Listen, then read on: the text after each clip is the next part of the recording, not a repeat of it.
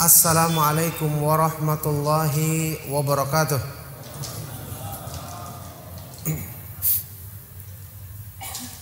Alhamdulillahi rabbil alamin.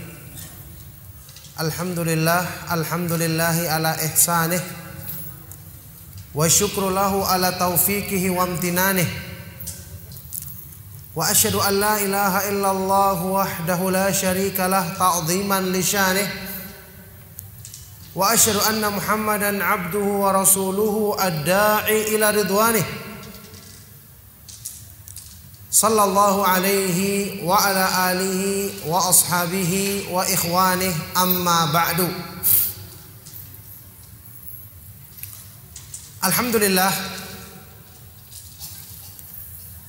Bapak-bapak, ibu-ibu Ma'asyiral muslimin Ma'asyiral ikhwa wal akhwat fid din rahimakumullah. Kita bersyukur kepada Allah Subhanahu wa taala. Kita senantiasa memuji dan menyanjungnya atas semua limpahan nikmat dan karunia-Nya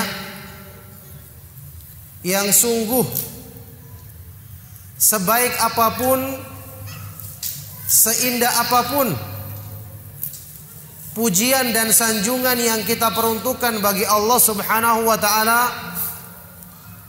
maka itu belum bisa mewakili atau menyawa, menyamai kemahaagungan dan kemahamuliaan yang pantas baginya. Sungguh seperti yang diucapkan oleh Rasulullah sallallahu alaihi wasallam dalam sebuah doa beliau La uhsi thana'an 'alaika anta kama athnaita 'ala nafsik.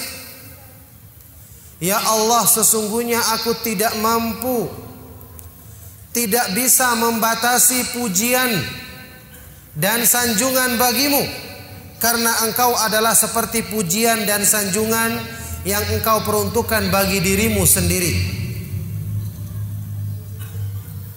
Alhamdulillah Jamaah sekalian rahimakumullah, kita bertemu di kajian malam hari ini dalam rangka membahas tema yang agung. Tema yang menjadi inti Islam.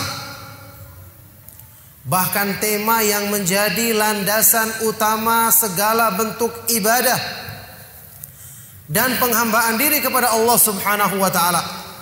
Tema yang merupakan inti tauhid yaitu membahas tentang kemahaindahan nama-nama Allah dan kemahasempurnaan sifat-sifatnya. Inilah tema yang di dalam Al-Qur'an Allah Subhanahu wa taala menggandengkan mewajibkan bagi hamba-hambanya untuk mengenal kemahaindahan nama-namanya dan Allah menggandengkan itu dengan kesempurnaan tauhid. Ketika Allah Subhanahu wa taala berfirman di ayat terakhir surat At-Talaq Allahul ladzi khalaqa sab'a samawati wa minal ardi mithlahunna yatanazzalul amru bainahunna lita'lamu Allah ala kulli syai'in qadir wa anna Allah qad ahata qad ahata bi kulli syai'in ilma Allah Subhanahu wa taala dialah yang menciptakan. Tujuh lapis langit.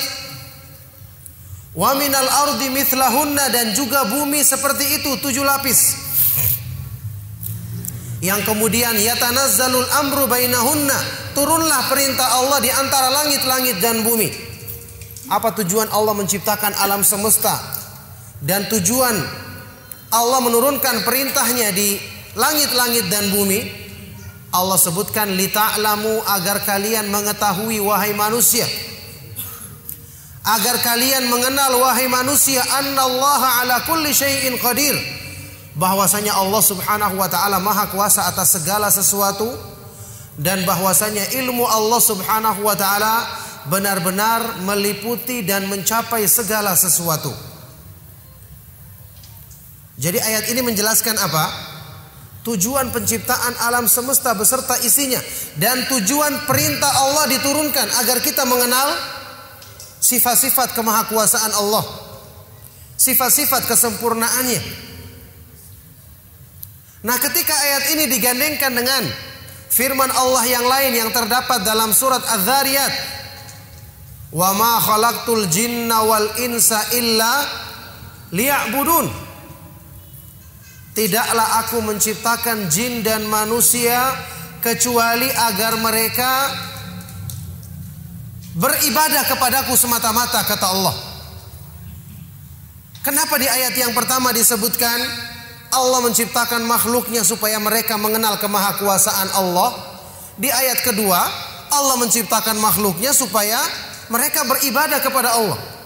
Jawabannya Kedua ayat ini digandengkan untuk menunjukkan kepada kita ibadah tidak mungkin dilakukan kalau kita tidak mengenal Allah.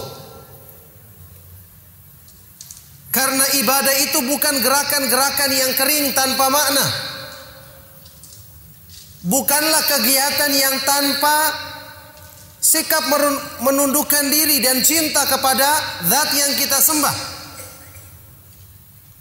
Jadi ibadah seperti diterangkan oleh para ulama maknanya, ibaratun amma yajma'u kamal al-hubbi wa kamal dhulli lillah. Sesuatu yang menghimpun kesempurnaan cinta dan kesempurnaan sikap merendahkan diri kepada Allah. Maksudnya orang yang melakukan gerakan-gerakan tanpa ada ketundukan, tanpa ada perasaan cinta, berarti dia tidak melakukan ibadah. Hatinya kosong dari penghambaan diri yang sebenarnya. Nah makanya kenapa Allah Subhanahu wa taala menjadikan ayat-ayat Al-Qur'an mayoritas isinya adalah memperkenalkan kepada manusia tentang dirinya, tentang kemuliaannya, kemahaindahan nama-namanya, kesempurnaan sifat-sifatnya. Coba kita baca Al-Qur'an. Dari ayat yang pertama sampai yang terakhir hampir tidak kita dapati satu ayat pun yang kosong dari menjelaskan nama-nama dan sifat-sifat Allah Subhanahu wa taala. Inna Allah ala kulli syai'in qadir. Sesungguhnya Allah Maha Kuasa atas segala sesuatu. Wallahu ghafurur rahim dan Allah Subhanahu wa taala Maha Pengampun lagi Maha Penyayang. Wallahu azizun hakim dan Allah Maha Perkasa lagi Maha sempurna hikmah dan hukumnya. Semua di akhir ayat Al-Quran banyak penjelasan seperti ini. Di tengah-tengah Al-Quran yang menjelaskan tentang perbuatan Allah. Inna Allah ya'muru bil adli wal ihsan. Sesungguhnya Allah memerintahkan kepada keadilan dan kebaikan. Dan ayat-ayat mayoritas Al-Quran isinya selalu menjelaskan tentang nama-nama dan sifat-sifat Allah subhanahu wa ta'ala. Apa tujuan dan maksudnya? Agar manusia mengenal Robnya mengenal kesempurnaan dan kemahaindahannya. Karena dengan mengenal kemahaindahan Allah Subhanahu wa taala, manusia akan mencintainya, bahkan menjadikan kecintaan kepada Allah lebih daripada segala sesuatu yang ada di dunia ini. Karena kalau di dunia ini saja kita terpana menyaksikan keindahan, kita tertarik dengan kesempurnaan, Bagaimana kalau kita yang mengenal maha sempurna yang maha sempurna, zat yang maha indah. Ini tujuannya Allah Subhanahu wa taala menjadikan mayoritas ayat-ayat Al-Qur'an selalu menyebutkan tentang kemaha indahan nama-namanya dan kemaha sempurnaan sifat-sifatnya. Nah, oleh karena itulah di sini jamaah sekalian rahimakumullah, tema yang kita bahas pada malam hari ini tentang kemahaindahan nama-nama Allah. Wallahi, orang yang tidak mengenal pemahaman yang benar tentang ilmu ini, sungguh dia akan tersesat sejauh-jauhnya dari ibadah yang benar. Sungguh dia telah sesat sejauh-jauhnya dari ibadah yang benar.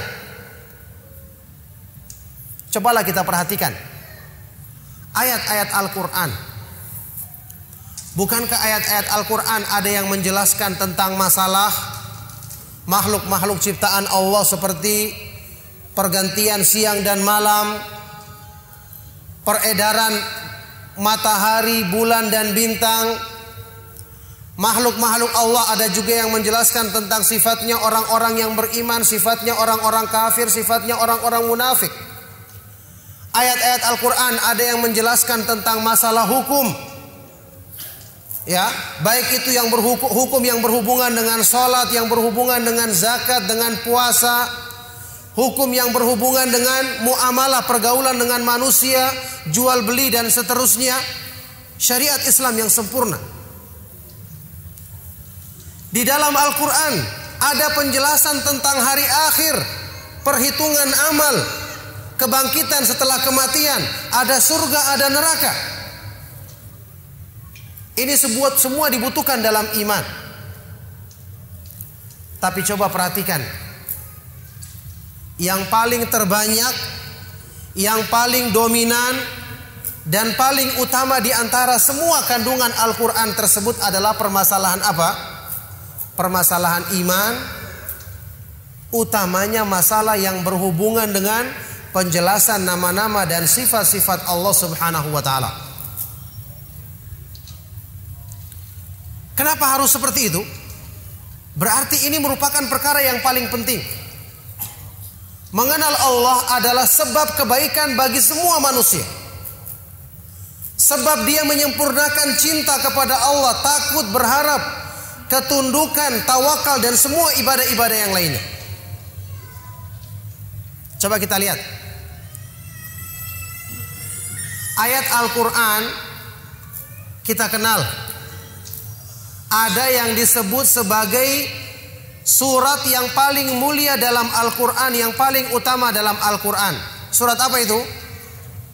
Surat Al-Fatihah, iya kan? Tidak pernah Allah turunkan seperti surat Al-Fatihah dalam kitab Injil, dalam Taurat dan dalam semua kitab-kitab sebelumnya. Surat Al-Fatihah setelah Bismillahirrahmanirrahim ayat pertama dimulai dengan apa? Alhamdulillahi Rabbil Alamin. Segala puji bagi Allah, Rabb semesta alam. Kenapa diawali dengan memuji Allah Subhanahu wa taala? Diawali dengan memuji Allah Subhanahu wa taala karena Allah Subhanahu wa taala dialah yang pantas dipuji karena kesempurnaan nama-namanya dan sifat-sifatnya. Jadi di awal ayat dari surat yang paling mulia berisi tentang penjelasan sempurnanya kemahaindahan nama-nama Allah dan kemahatinggian sifat-sifatnya. Setelah itu Ar-Rahmanir Rahim, Malik Yaumiddin. Semua tentang nama-nama dan sifat-sifat Allah Subhanahu wa taala. Jadi ini bukti menunjukkan bahwa surat yang paling agung di dalam Al-Qur'an diawali dengan memperkenalkan tentang kemahaindahan Allah dan kemahasempurnaan sifat-sifatnya. Taib, kita melangkah kemudian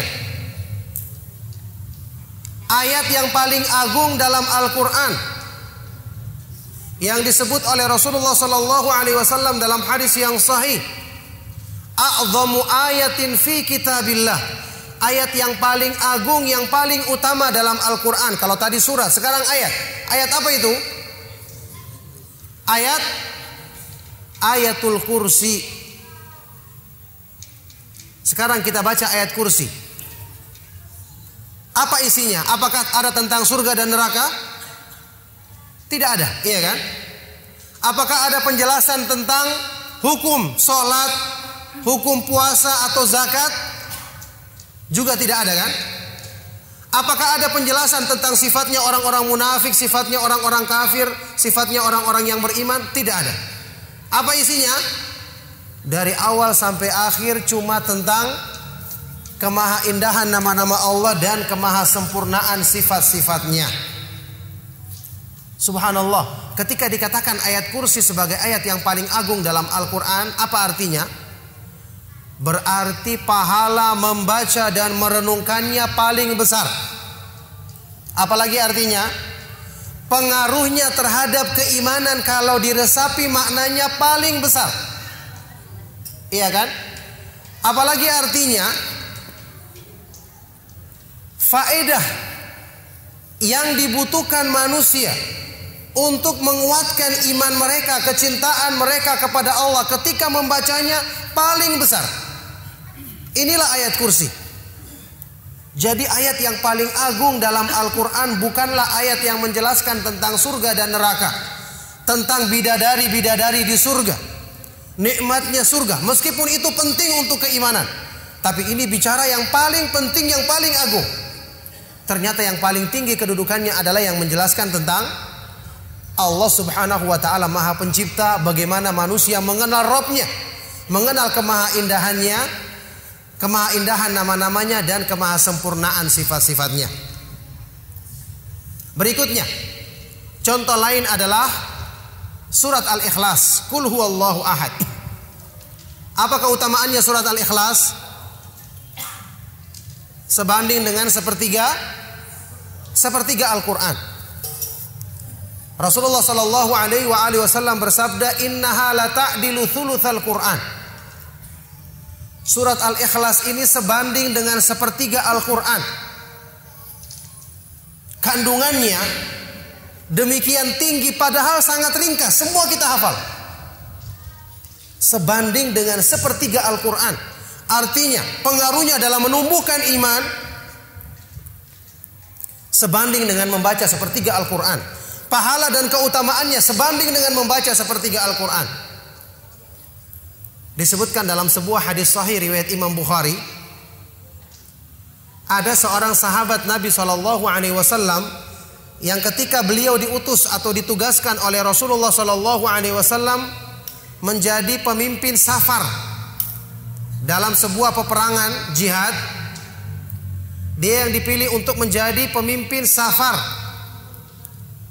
sehingga dia yang menjadi imam dalam salat berjamaah setiap mereka melaksanakan sholat.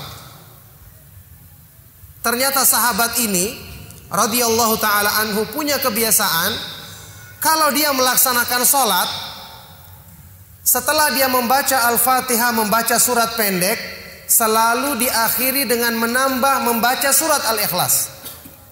Setiap rakaat seperti itu. Akhirnya para sahabat lain merasa heran. Kenapa dia melakukan seperti ini? Padahal mereka mengetahui ya, Rasulullah Shallallahu Alaihi Wasallam tidak melakukan terus menerus seperti itu. Akhirnya setelah pulang dari perjalanan mereka melapor kepada Rasulullah Shallallahu Alaihi Wasallam tentang perihal apa yang dilakukan oleh sahabat ini. Setelah disampaikan kepada Rasulullah SAW, Rasulullah SAW berkata kepada mereka-mereka yang melapor ini, Saluhu li ayyi yasna'u dhalik.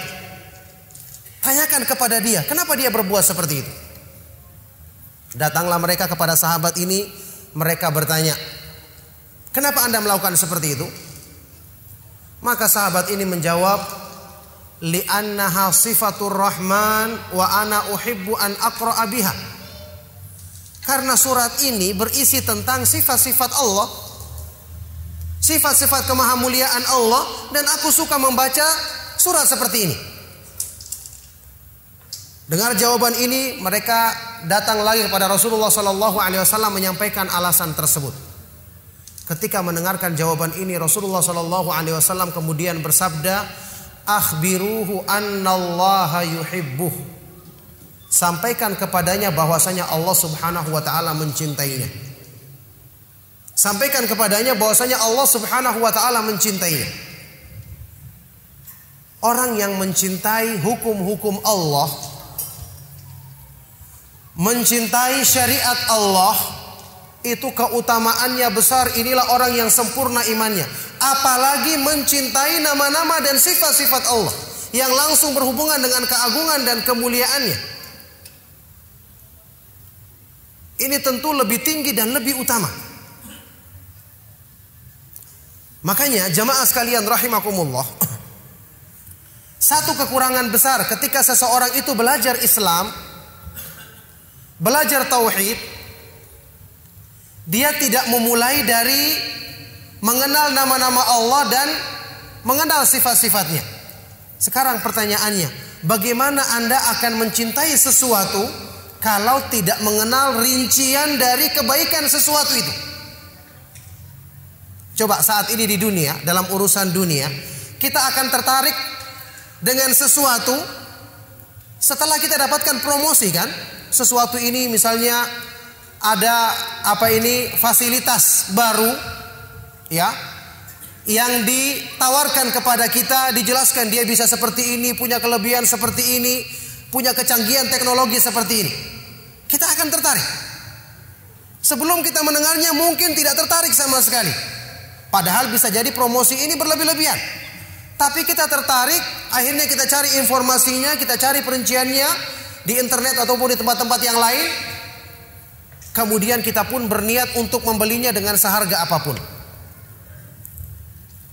Ini yang menjadikan kita tertarik dengan sesuatu. Dalam kehidupan kita ya di dunia kita mencintai orang-orang yang dekat dengan kita. Apalagi orang yang punya banyak kebaikan dan jasa kepada kita. Makanya setiap orang secara fitrah kalau fitrahnya benar, mesti dia akan paling yang paling dicintainya di antara manusia adalah orang tuanya karena mengingat jasa-jasanya. Semakin kita ingat, semakin kita akan merindukan atau semakin kita mencintai mereka. Nah, ini kalau berlaku pada manusia yang sebaik apa pun, sebesar apa pun jasanya terhadap kita, tidak akan mungkin melebihi nikmat dan kebaikan yang Allah Subhanahu wa taala limpahkan kepada kita. Kemudian, kita tertarik dengan sesuatu yang seindah apa pun, sesempurna apa pun, tidak akan mungkin ya melebihi kesempurnaan zat yang maha sempurna dan maha indah. Maka berarti kalau kita tidak mengenal Allah Subhanahu wa taala menjadikan hati kita tidak akan terbuka untuk mencintai Allah dan menundukkan diri dengan ketundukan yang sempurna kepada Allah Subhanahu wa taala.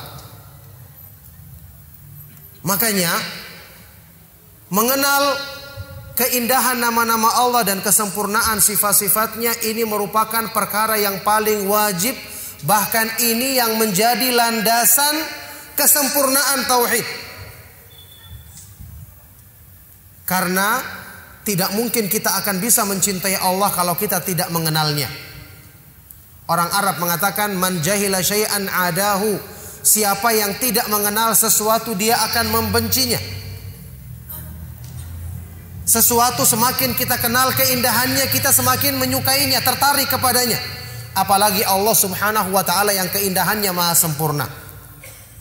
Makanya Imam Ibnu Qayyim rahimahullah taala ketika di sela-sela penjelasan mengenai pentingnya mempelajari ilmu tentang nama-nama dan sifat-sifat Allah, beliau pernah berkata, "Man arafallaha bi asma'ihi wa sifatihi wa af'alihi ahabbahu la mahalata.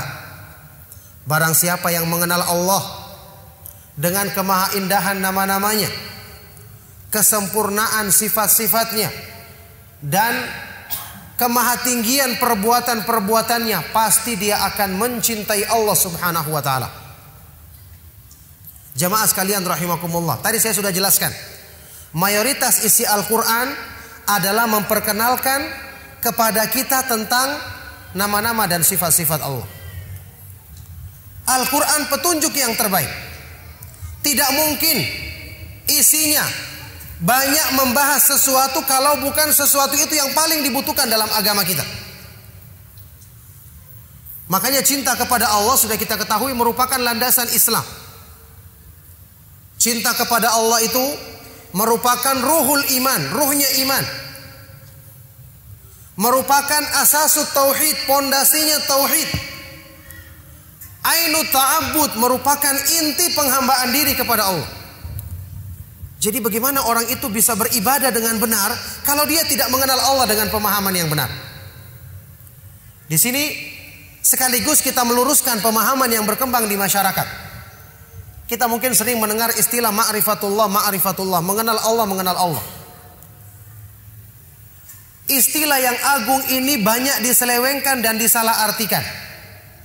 Ada orang yang mengartikan kita mengenal Allah maksudnya lewat mimpi atau lewat bisikan-bisikan hati. Makanya ada sebagian orang yang mensifati Allah Subhanahu wa taala dengan melalui apa yang disebut sebagai bisikan hati ya ada yang mendapatkan dengan perenungan orang-orang yang dianggap sebagai wali padahal ini adalah orang-orang yang tidak benar pemahamannya. Dia mengungkapkan tentang Allah dengan bahasa-bahasa yang sungguh sangat lancang. Padahal Rasulullah Shallallahu alaihi wasallam yang paling mengenal Allah saja seperti yang saya nukil tadi di awal ceramah mengucapkan dalam doa beliau la uhsi thana'an alik anta kama athnaita ala nafsik Ya Allah sesungguhnya aku tidak bisa membatasi pujian dan sanjungan yang pantas bagi kebesaranmu. Engkau adalah seperti pujian dan sanjungan yang engkau peruntukkan bagi dirimu sendiri. Jadi kita luruskan. Mengenal Allah yang dimaksud sebagai inti Islam. Yang dimaksud sebagai inti daripada tauhid, ruh keimanan adalah mengenal Allah berdasarkan pemahaman ahlu sunnah wal jamaah, pemahaman yang benar. Yaitu apa? Seperti yang dikatakan oleh Imam Ahmad bin Hanbal rahimahullah ta'ala. La yusafullahu illa bima wasafa bihi nafsahu. Wa ma wasafahu bihi rasuluhu sallallahu alaihi wasallam. La yutajawazul Qur'an wal hadith. Tidak boleh kita mensifati Allah kecuali dengan apa yang Allah sifatkan bagi dirinya dalam ayat-ayat Al-Qur'an dan apa yang diterangkan tentang sifat Allah dalam hadis-hadis Rasulullah sallallahu alaihi wasallam kita tidak boleh melampaui Al-Qur'an dan hadis. Inilah cara mengenal Allah yang benar.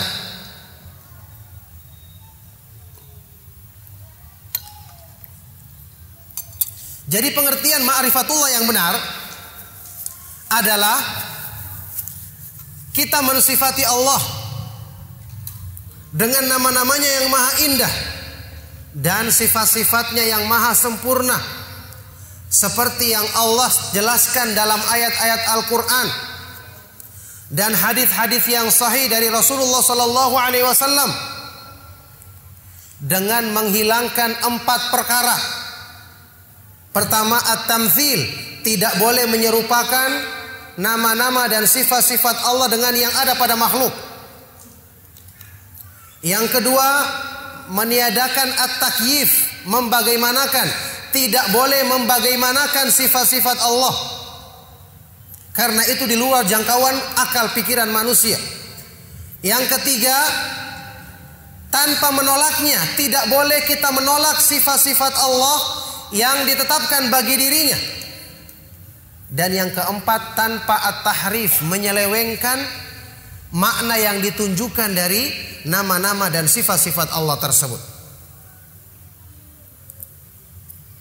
Orang yang mensifati Allah dengan cara yang benar seperti ini mesti dia akan mencintai Allah. Sahabat yang hanya tadi membaca surat Al-Ikhlas diulang-ulang dalam sholatnya karena dia mencintai sifat-sifat Allah yang terkandung dalam surat ini, apa yang Rasulullah SAW berikan kabar gembira kepadanya? Akhbiruhu annallaha yuhibbu. Sampaikan kepadanya bahwasanya Allah Subhanahu wa taala mencintai dia. Belum kalau kita kenal sifat-sifat yang lain. Makanya di sini ya, saya selalu gandingkan sejak awal ceramah tadi saya katakan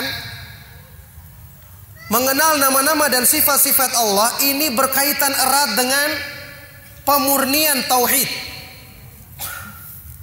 Ingat, manusia itu berbuat melakukan sesuatu karena dorongan dari hatinya. Kecuali kalau perbuatan yang tanpa sadar.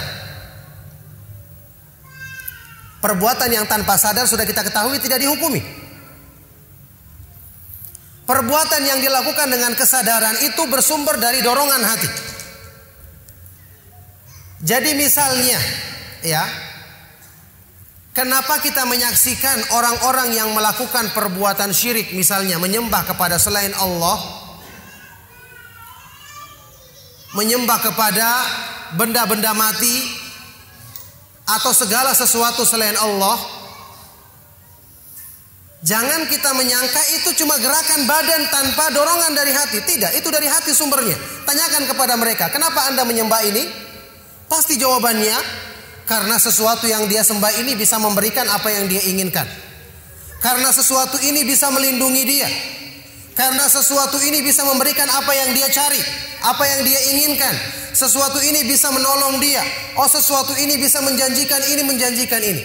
Semua ada keinginan dalam hati. Sekarang pertanyaannya, kenapa terjadi pada orang-orang pelaku syirik ini perbuatan seperti itu? Jawabannya satu, karena mereka tidak mengenal Allah. Kebodohan mereka sehingga tuntutan hati diarahkan kepada makhluk yang tidak sempurna seperti dirinya.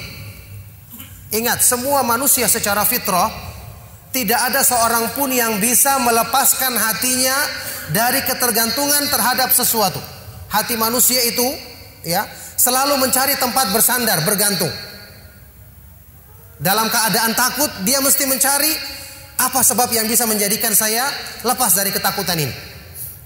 Ketika dia butuh, dia mencari apa yang menjadikan saya bisa memenuhi kebutuhanku. Ketika dia mencari tempat bersandar, dia mencari apa yang bisa saya jadikan tempat bersandar. Ketika orang itu tidak beriman, datanglah syaitan membisikkan, oh ini tempat yang bisa menjadikan kamu bersandar. Datanglah dia kepada jin-jin, datanglah dia kepada pohon, datanglah dia kepada makhluk, dia menyembah makhluk tersebut. Kekosongan hati ini Allah Subhanahu wa taala yang Maha mengetahui dengan ilmunya yang sempurna, Allah telah jadikan penutup kekosongan ini dengan wahyu yang diturunkannya kepada Nabi Muhammad sallallahu alaihi wasallam. Hati hamba-hamba yang beriman harus dikenalkan tentang zat yang maha sempurna.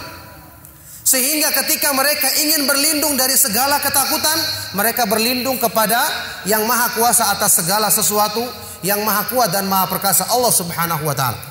Ketika meminta segala kebutuhan, mereka meminta kepada yang memang di tangannya segala perbendaraan langit-langit dan di bumi, Allah Subhanahu wa taala. Mereka butuh tempat bersandar, maka Allah Subhanahu wa taala tempat bersandar. Makanya dengan hati mengenal Allah otomatis dengan sendirinya ketergantungan kepada makhluk akan hilang.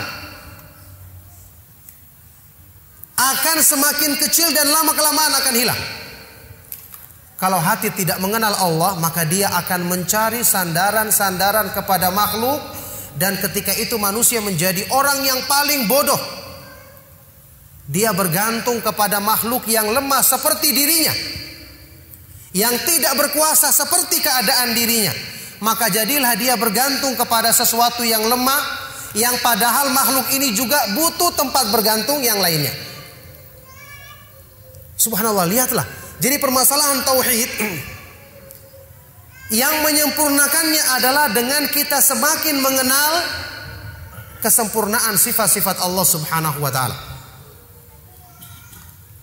Inilah sebabnya kenapa di dalam banyak ayat Al-Qur'an Allah Subhanahu wa taala senantiasa menggandengkan tentang penghambaan diri kepadanya dengan penjelasan tentang kesempurnaan nama-namanya, kemahaindahan nama-namanya dan kesempurnaan kesempurnaan sifat-sifatnya.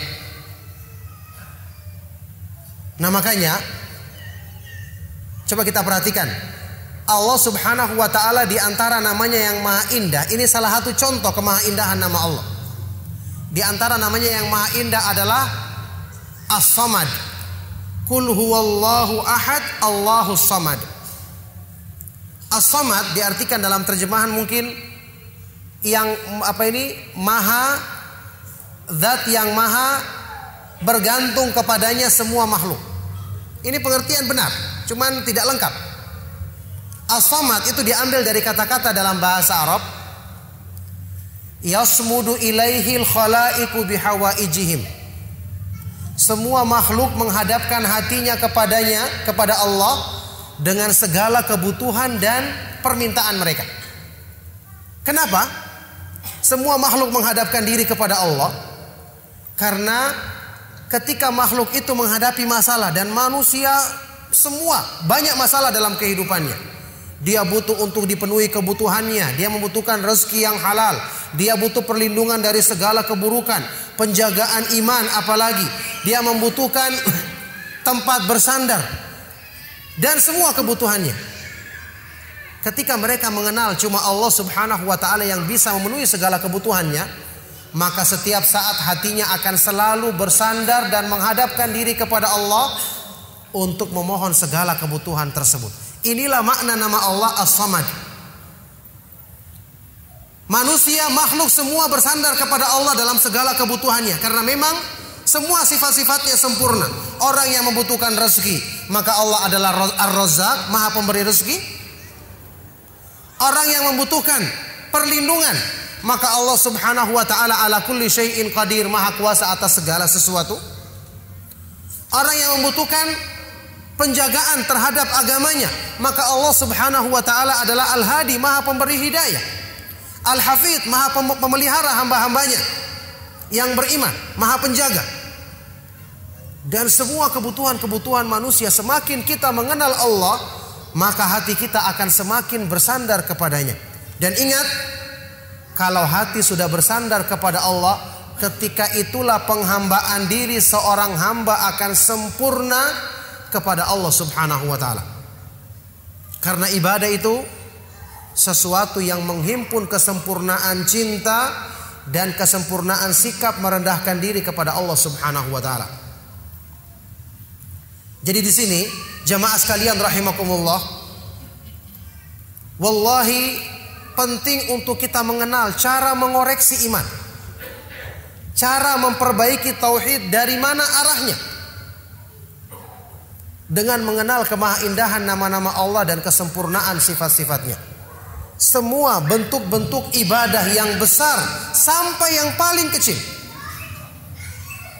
tidak akan mungkin kita bisa wujudkan dengan sempurna dalam diri kita kalau kita tidak mengenal Allah Subhanahu wa taala dengan membaca ayat-ayat yang menjelaskan tentang kemahaindahan nama-namanya dan kesempurnaan sifat-sifatnya.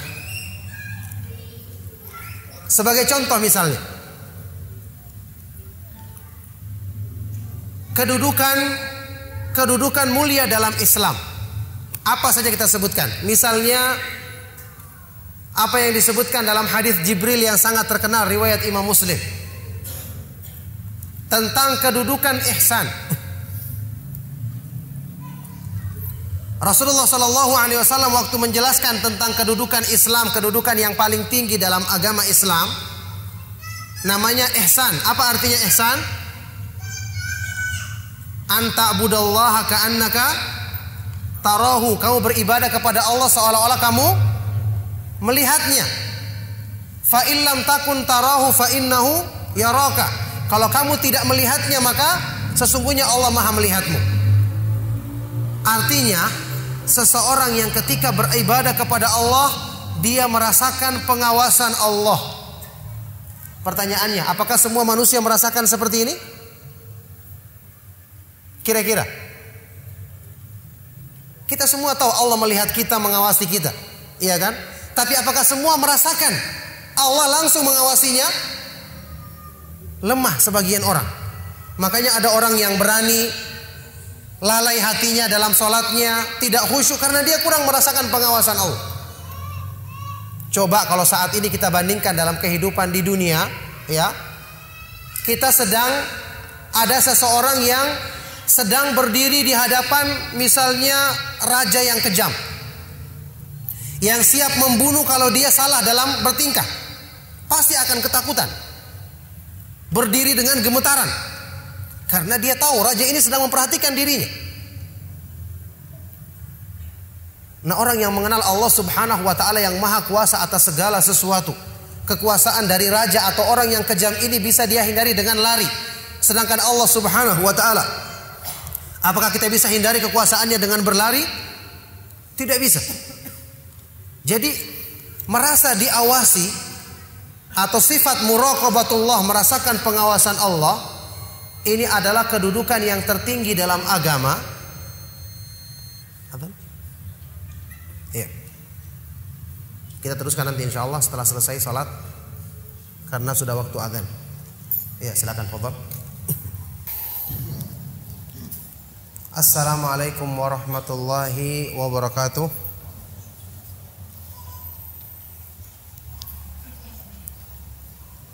الحمد لله الحمد لله حمدا كثيرا طيبا مباركا فيه كما يحب ربنا ويرضاه. وأشهد أن لا إله إلا الله وحده لا شريك له وأشهد أن محمدا عبده ورسوله. صلى الله عليه وعلى آله وأصحابه ومن تبعهم بإحسان إلى يوم الدين أما بعد. الحمد لله Ma'asyiral ikhwa wal akhwat fi din azakumullah. Kita teruskan sedikit apa yang telah kita bahas tadi. Tadi saya sedang membahas beberapa contoh bahwa sifat-sifat mulia, kedudukan-kedudukan tinggi dalam Islam itu dicapai dengan menyempurnakan pemahaman dan perenungan kita terhadap ayat-ayat Al-Qur'an yang menjelaskan tentang nama-nama dan sifat-sifat Allah yang berhubungan dengan kedudukan tinggi tersebut. Tadi saya contohkan tentang sifat muraqabatullah selalu merasakan pengawasan Allah. Kita semua yakin Allah Maha melihat. Tapi merasa diawasi, merasa dilihat itu yang lemah dalam diri kita sehingga sering kita masih berani melakukan perbuatan maksiat, utamanya kalau kita sendirian atau kita tidak di hadapan orang lain. Berarti pengawasan Allah Subhanahu wa taala yang harusnya lebih kita takuti karena Dia Maha Kuasa atas segala sesuatu dan maha terperinci, maha menyaksikan segala sesuatu, ini lemah keyakinan tersebut dalam diri kita. Nah, ini akan dikuatkan kalau kita semakin banyak membaca ayat-ayat Al-Qur'an tentang sifat-sifat Allah yang berhubungan dengan sempurnanya penglihatannya, pengawasannya, persaksiannya terhadap perbuatan manusia. Syekh Abdurrahman As-Sa'di rahimahullah taala Ketika menjelaskan hal ini beliau menyebutkan Walihada kanat muraqabatullahi allati hiya min a'la a'malil qulub. Hiya ta'abbudu lillahi bi ismihi ar-raqib wa syahid. Oleh karena itu sifat muraqabatullah selalu merasakan pengawasan Allah. Yang ini merupakan amalan hati yang paling tinggi ini akan dicapai dengan kita menyempurnakan penghambaan diri kita kepada Allah melalui perenungan terhadap makna nama-namanya yang maha indah yaitu Ar-Raqib yang maha mengawasi Asy-Syahid yang maha mempersaksikan perbuatan manusia. Jadi contoh yang berhubungan dengan sifat muraqabah merasakan pengawasan Allah kita baca dulu penjelasan para ulama. Apa arti nama Allah Ar-Raqib? Yang maha mengawasi. Al-Basir yang maha melihat. Setelah kita baca, kita ketahui maknanya. Kita buka ayat-ayat Al-Quran yang menjelaskan perincian sempurnanya pengawasan dan penglihatan Allah. Ini kalau kita baca dengan sungguh-sungguh, kita hadirkan hati kita untuk memahaminya. Wallahi perasaan ini akan semakin kuat menancap dalam hati kita sehingga setelah itu kita berjalan dalam keadaan selalu takut dan tunduk kepada Allah di mana pun kita berada, baik sewaktu kita di hadapan orang lain maupun sendirian. Jadi kelemahan iman kita terjadi karena apa? Kita kurang merenungkan dan mendalami makna nama-nama Allah Subhanahu wa taala yang maha indah dan sifat-sifatnya yang maha sempurna. Contoh satu lagi. Sifat ikhlas. Saat ini orang bicara tentang ikhlas itu gampang dengan lisan. Saya ingin mengikhlaskan perbuatan saya karena mengharapkan ridho Allah. Sampai pun dalam kegiatan-kegiatan yang berhubungan dengan urusan dunia orang mengatakan saya ingin mencari keridhaan Allah. Ini ucapan gampang. Tetapi manusia punya sifat kecintaan kepada dunia mesti lebih diutamakannya karena dunia itu nampak. Indahnya nampak, perhiasannya terlihat, makanya nafsu lebih cenderung mengutamakan dunia. Kalau dunia sudah masih dikuasai, ya kecintaan kepada dunia secara berlebihan masih menguasai hati manusia, jangan berharap untuk bisa ikhlas. Karena ikhlas itu mengutamakan apa yang ada di sisi Allah. Makanya Ibnu Qayyim rahimahullah taala menyebutkan, ya, ikhlas itu tidak akan berkumpul dengan dua hal. Suka dipuji dan disanjung yang pertama, yang kedua selalu mengharapkan balasan yang ada di tangan makhluk. Sementara orang punya kecenderungan senang dipuji dan disanjung.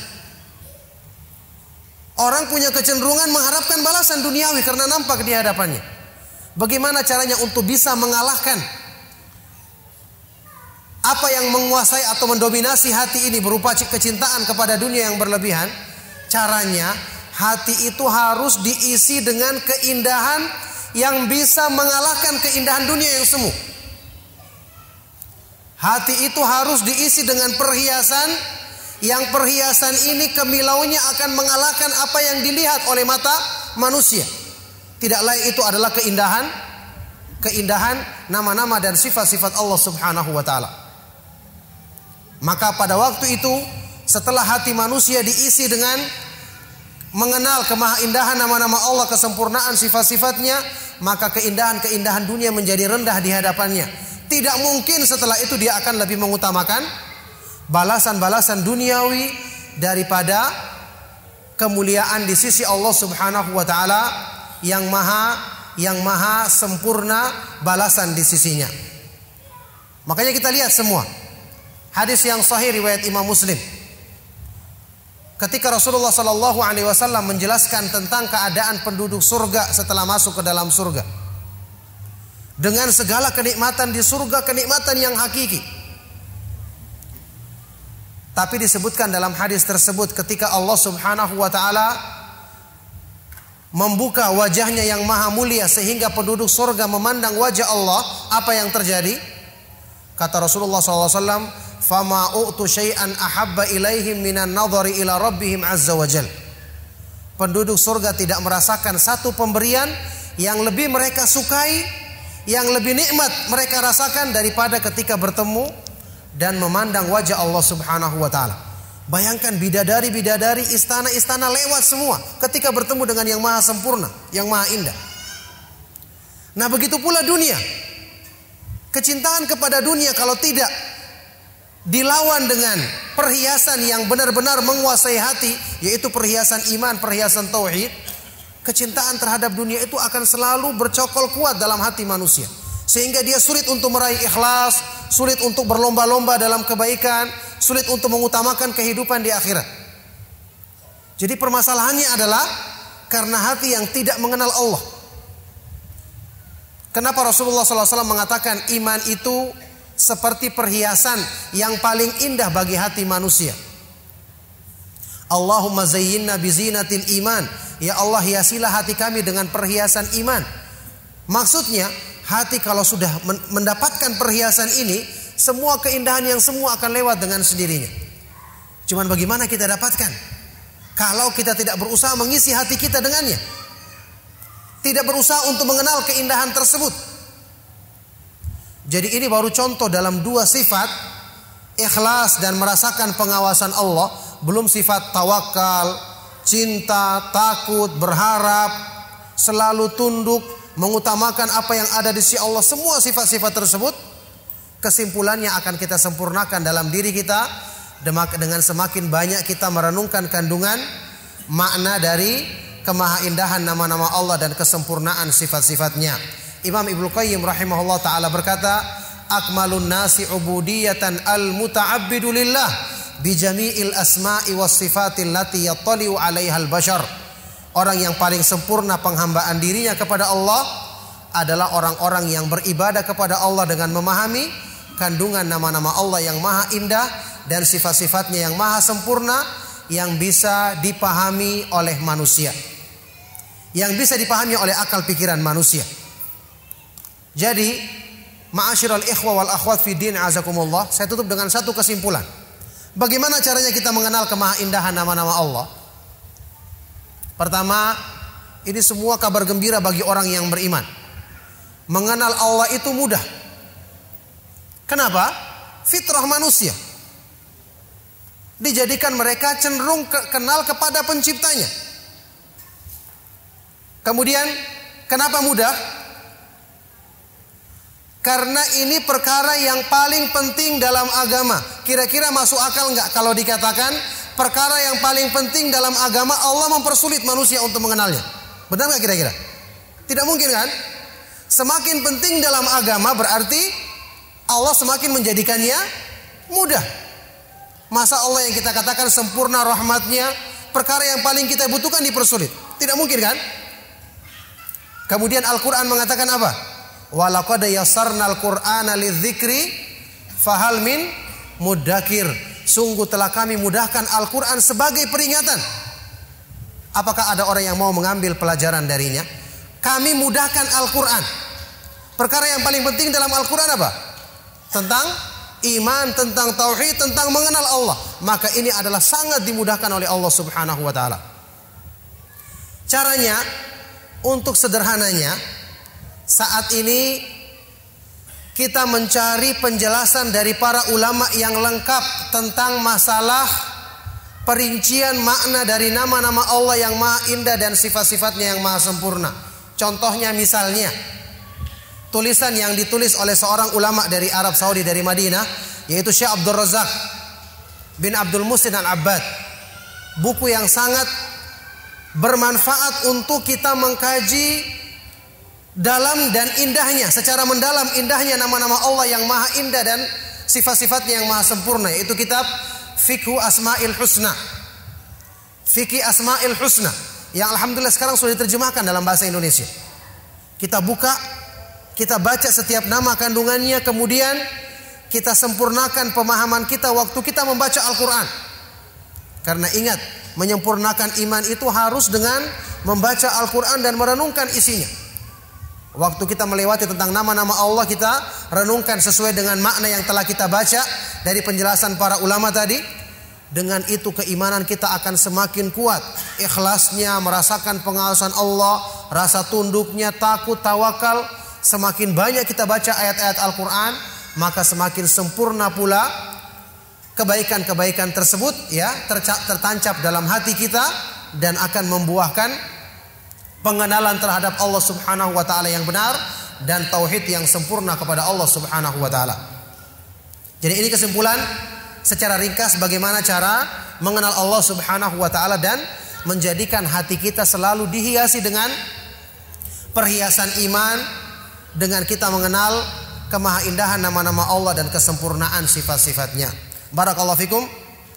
Inilah apa yang bisa kami sampaikan di kesempatan malam hari ini tentang penjelasan kemahaindahan nama-nama Allah.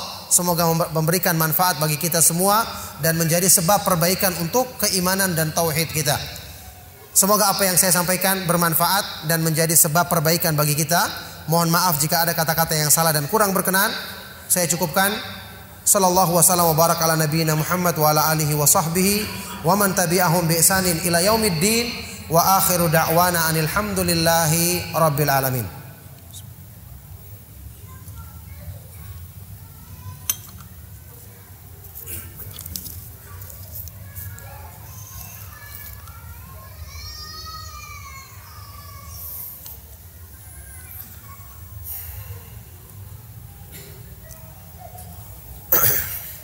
Ada pertanyaan, saya mau tanya Ustadz, adakah kiat-kiat untuk memberikan pemahaman tentang ketauhidan Allah kepada anak-anak supaya anak tidak berbuat kesyirikan ketika dewasa? Sudah sejak awal saya katakan tadi. Menanamkan ketauhidan kepada anak itu sangat mudah. Karena anak kita itu yang ciptakan adalah Allah Subhanahu wa taala. Dan Allah jadikan fitrah manusia cenderung kepada tauhid. Dalam sebuah hadis kursi riwayat Imam Muslim, Allah Subhanahu wa taala berfirman, "Inni khalaqtu ibadi hunafa, thumma innahu atathumus syayatinu fajtalathum an dinihim." Aku menciptakan hamba-hambaku itu di atas sifat hanif, cenderung kepada tauhid. Kemudian setelah itu syaitan mendatanginya dan malingkannya dari fitrahnya tadi, malingkannya dari agamanya. Jadi tauhid itu merupakan sifat asal manusia, termasuk anak-anak kita. Sejak mereka lahir cenderung kepada tauhid. Keburukan itu datangnya menyusul. Jadi kalau kita bisa perumpamakan, ya, tauhid itu kenalan lamanya.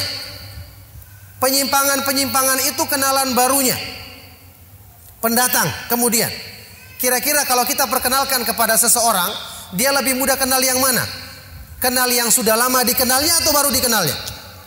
Tentu yang sudah lama dikenalnya. Makanya kebaikan-kebaikan dalam Islam itu tidak perlu khawatir. Kita jelaskan kepada anak-anak kita, mereka akan terima insya Allah. Karena kebaikan itu merupakan asal yang dikenal oleh hati manusia. Imam Ibnu Qayyim rahimahullah taala mengatakan, "Innal khaira asilun wa su'a dakhil." Sesungguhnya kebaikan itu adalah asal yang dikenal hati manusia, sedangkan keburukan itu adalah yang datangnya menyusup kemudian. Maka kalau kita jelaskan dengan baik, kita kenalkan tentang alam semesta yang dengan penciptanya, yang penciptanya maha sempurna sifat-sifatnya, yang karena kesempurnaan sifat-sifatnya kita harus hanya beribadah kepadanya, minta kepadanya.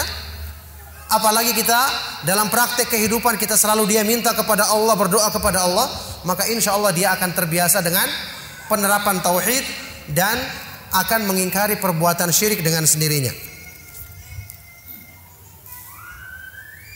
Bagaimana dengan pernyataan semakin berjenggot katanya semakin goblok? Masya Allah. Apa maksud pernyataan seperti ini? Ini pernyataannya orang yang goblok. Wallahi pernyataan orang yang goblok. Rasulullah Shallallahu Alaihi Wasallam yang memerintahkan sunnah yang agung seperti ini dikatakan semakin goblok. Wallahi orang ini orang yang goblok. Demi Allah dia orang yang goblok. Ya, kita berdoa kepada Allah Subhanahu Wa Taala semoga dia mendapatkan hidayah untuk mencabut kata-katanya, ucapannya yang kotor agar dia tidak mendapatkan balasan azab di sisi Allah Subhanahu wa taala. Nah.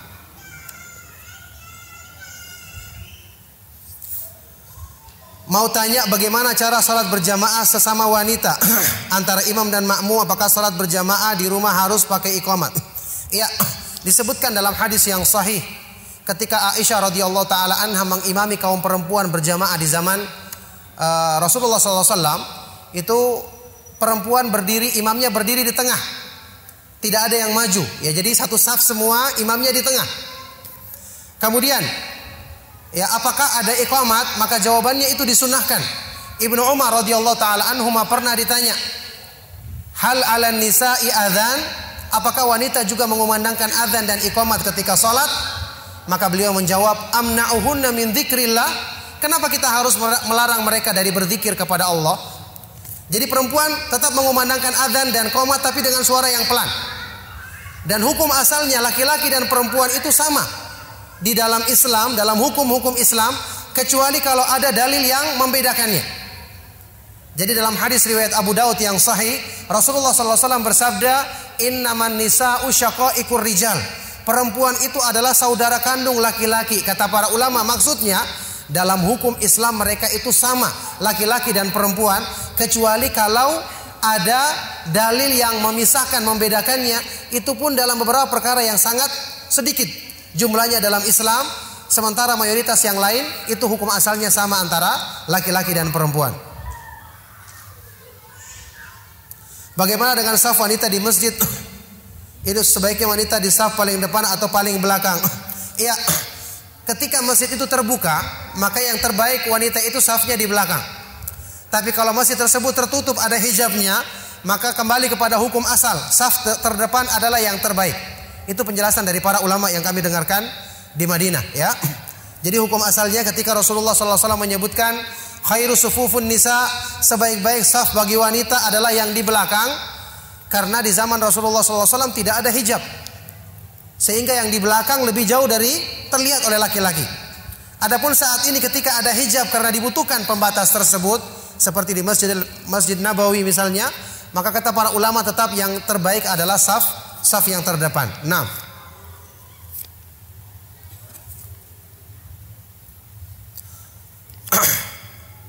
Iya, tadi saya tambahkan lagi masalah salat berjamaah tadi saya sudah terangkan Caranya imam itu berdiri di tengah, satu saf semua imam berdiri di tengah. Sebagian ulama juga ada yang membolehkan kalau seandainya mereka bersaf seperti laki-laki pun diperbolehkan. Ya seperti dalam kitab Jami'u Ahkamin Nisa, dia mengatakan boleh kalau dia berimam seperti imam laki-laki di depan, cuma lebih utama apa yang dipraktekkan oleh Aisyah tadi, yaitu imamnya berdiri di tengah-tengah sejajar dengan saf saf yang lain. Apa ini saf kaum perempuan dalam masalah ini? Tolong disebutkan lagi empat hal yang harus dihindarkan dalam sifat-sifat Allah. Iya, dihilangkan atau dihindarkan empat hal. Pertama at-tamthil, menyerupakan Allah dengan sifat-sifat makhluk. Ini sengaja saya sebutkan ringkas karena penjelasan kita berkisar pada masalah kemahaindahan nama-nama Allah. Saya ini isyaratkan saja. Tidak boleh menyerupakan sifat-sifat Allah dengan sifat-sifat makhluk. Yang kedua at-takyif, tidak boleh membagaimanakan membagaimanakan sifat-sifat Allah karena ini akan membawa kepada menyerupakan. Yang ketiga, ta'til. Tidak boleh menolak sifat-sifat Allah yang Allah tetapkan bagi dirinya. Jadi ada orang yang menolak kadang-kadang dengan berpikir ah ini tidak masuk akal. Kita katakan sama dia, apakah Anda lebih tahu dibandingkan Allah tentang yang pantas bagi dirinya? Berarti akal Anda yang kurang, akal Anda yang sempit. Allah Subhanahu wa taala ketika menetapkan Allah Maha mengetahui itu adalah pantas bagi kebesaran dan keagungan dirinya.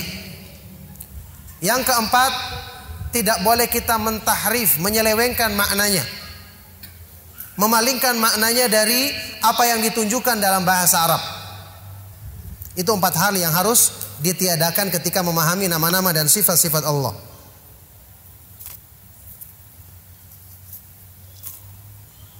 Saya mau bertanya Afwan jika uh,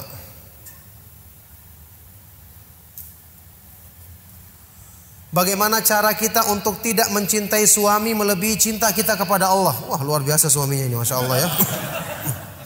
Sampai-sampai ketika suami saya mengambil keputusan berpoligami, hati saya masih tetap tidak bisa ikhlas dan terima. Apabila suami saya tidak mau menceraikan saya, apa boleh jika saya minta pisah tempat tinggal saja maupun walaupun tidak dicerai karena saya merasa tidak mampu. Ketika Allah mensyariatkan sesuatu, Allah Maha mengetahui bahwa manusia mampu untuk menerimanya. Ada orang yang memang tidak mampu menerima dari awal, berdoa kepada Allah. Ya perkara-perkara dalam agama banyak yang berat bisa kita terima. Kenapa? Karena Allah membukakan hati kita. Jadi maksudnya, kalau ada perkara Islam yang belum bisa kita terima, jangan dari awal langsung ditolak. Itu namanya kita menutup hidayah untuk diri kita berdoa kepada Allah supaya yang tadinya sulit Allah mudahkan kita untuk menerimanya. Supaya sesuatu yang tadinya kita rasa berat ini menjadi sebab kebaikan bagi diri kita. Ya, kemudian menjadi sebab bertambahnya iman kita. Jadi kita selalu harapkan kebaikan. Kenapa? Kita terima atau tidak terima kalau Allah telah menakdirkan terjadi maka akan terjadi. Jadi jangan merugi. Kita sudah ditimpa sesuatu yang kita anggap tidak kita sukai, sudah seperti itu iman kita juga tidak bertambah baik. Ini namanya apa? Sudah jatuh tertimpa, tertimpa tangga tangga yang besar. Ya. Tertimpa tangga yang besar. Maka ini tidak dibenarkan. Jadi lebih bagus kita berdoa kepada Allah, meminta supaya dijadikan sebab kebaikan bagi kita, minta untuk hati kita selalu diberikan petunjuk menerima kebaikan-kebaikan dan keindahan syariatnya. 6. Tolong jelaskan sifat Allah yang 20 satu persatu secara ringkas saja. Iya, sifat Allah itu tidak terbatas 20. Keliru kalau dikatakan sifat Allah itu cuma 20. Karena Rasulullah SAW saya bacakan tadi hadisnya riwayat Imam Muslim. Beliau sendiri bersabda, La uhsi thana'an alaik. Ya Allah aku tidak bisa membatasi pujian bagimu. Kalau Rasulullah SAW tidak bisa membatasinya, masa kita batasi cuma 20? Kemudian, nama-nama Allah yang maha indah saja disebutkan dalam hadis yang sahih ada 99 nama. Setiap nama mesti mengandung sifat. Sudah lebih dari 20.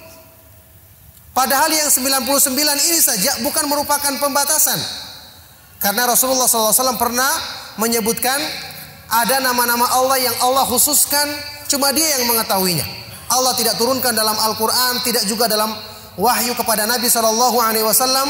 Ya, awis ta'tharta bihi fi ilmil ghaib indak atau nama-nama yang engkau khususkan, engkau sembunyikan dalam ilmu gaib di sisimu ya Allah. Berarti nama-nama dan sifat-sifat Allah tidak bisa dibatasi karena Allah Subhanahu wa taala adalah zat yang maha sempurna yang tidak bisa dibatasi kemahasempurnaannya dengan hitungan atau pikiran akal manusia.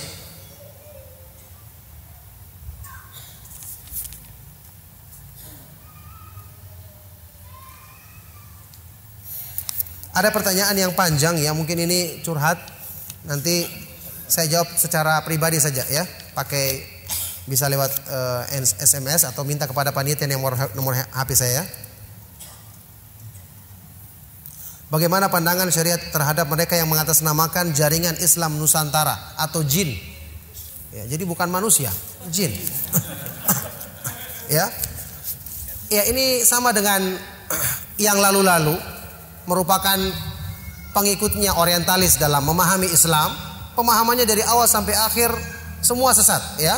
Mencampur adukan kebenaran dan kebatilan bahkan membela pemahaman-pemahaman yang sesat bahkan yang di luar dari Islam maka ini adalah pemahaman yang sangat menyimpang dari petunjuk Allah Subhanahu wa taala dan Rasulnya Shallallahu alaihi wasallam. Nah.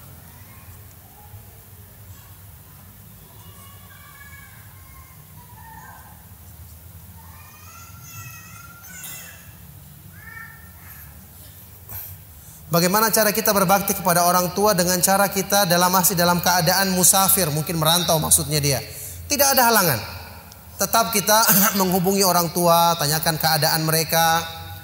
Kalau kita punya kelebihan rezeki, berikan kepada mereka, didoakan. Kemudian tetap jangan lupa ya, selalu dibimbing untuk dijaga sholatnya, dijaga agamanya, imannya, hal-hal yang berhubungan dengan tauhid. Kita kirimkan ceramah-ceramah yang bermanfaat.